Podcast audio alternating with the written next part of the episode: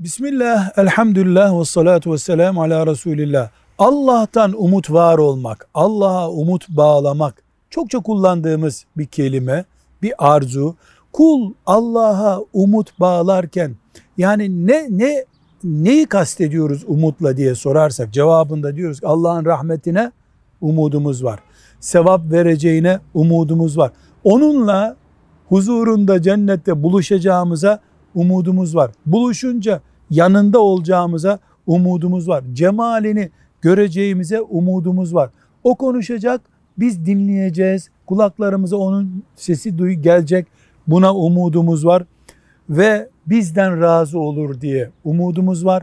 Ölürken ve kabirde ve dirilince ve mahşerde bize rahmet edecek ona umudumuz var.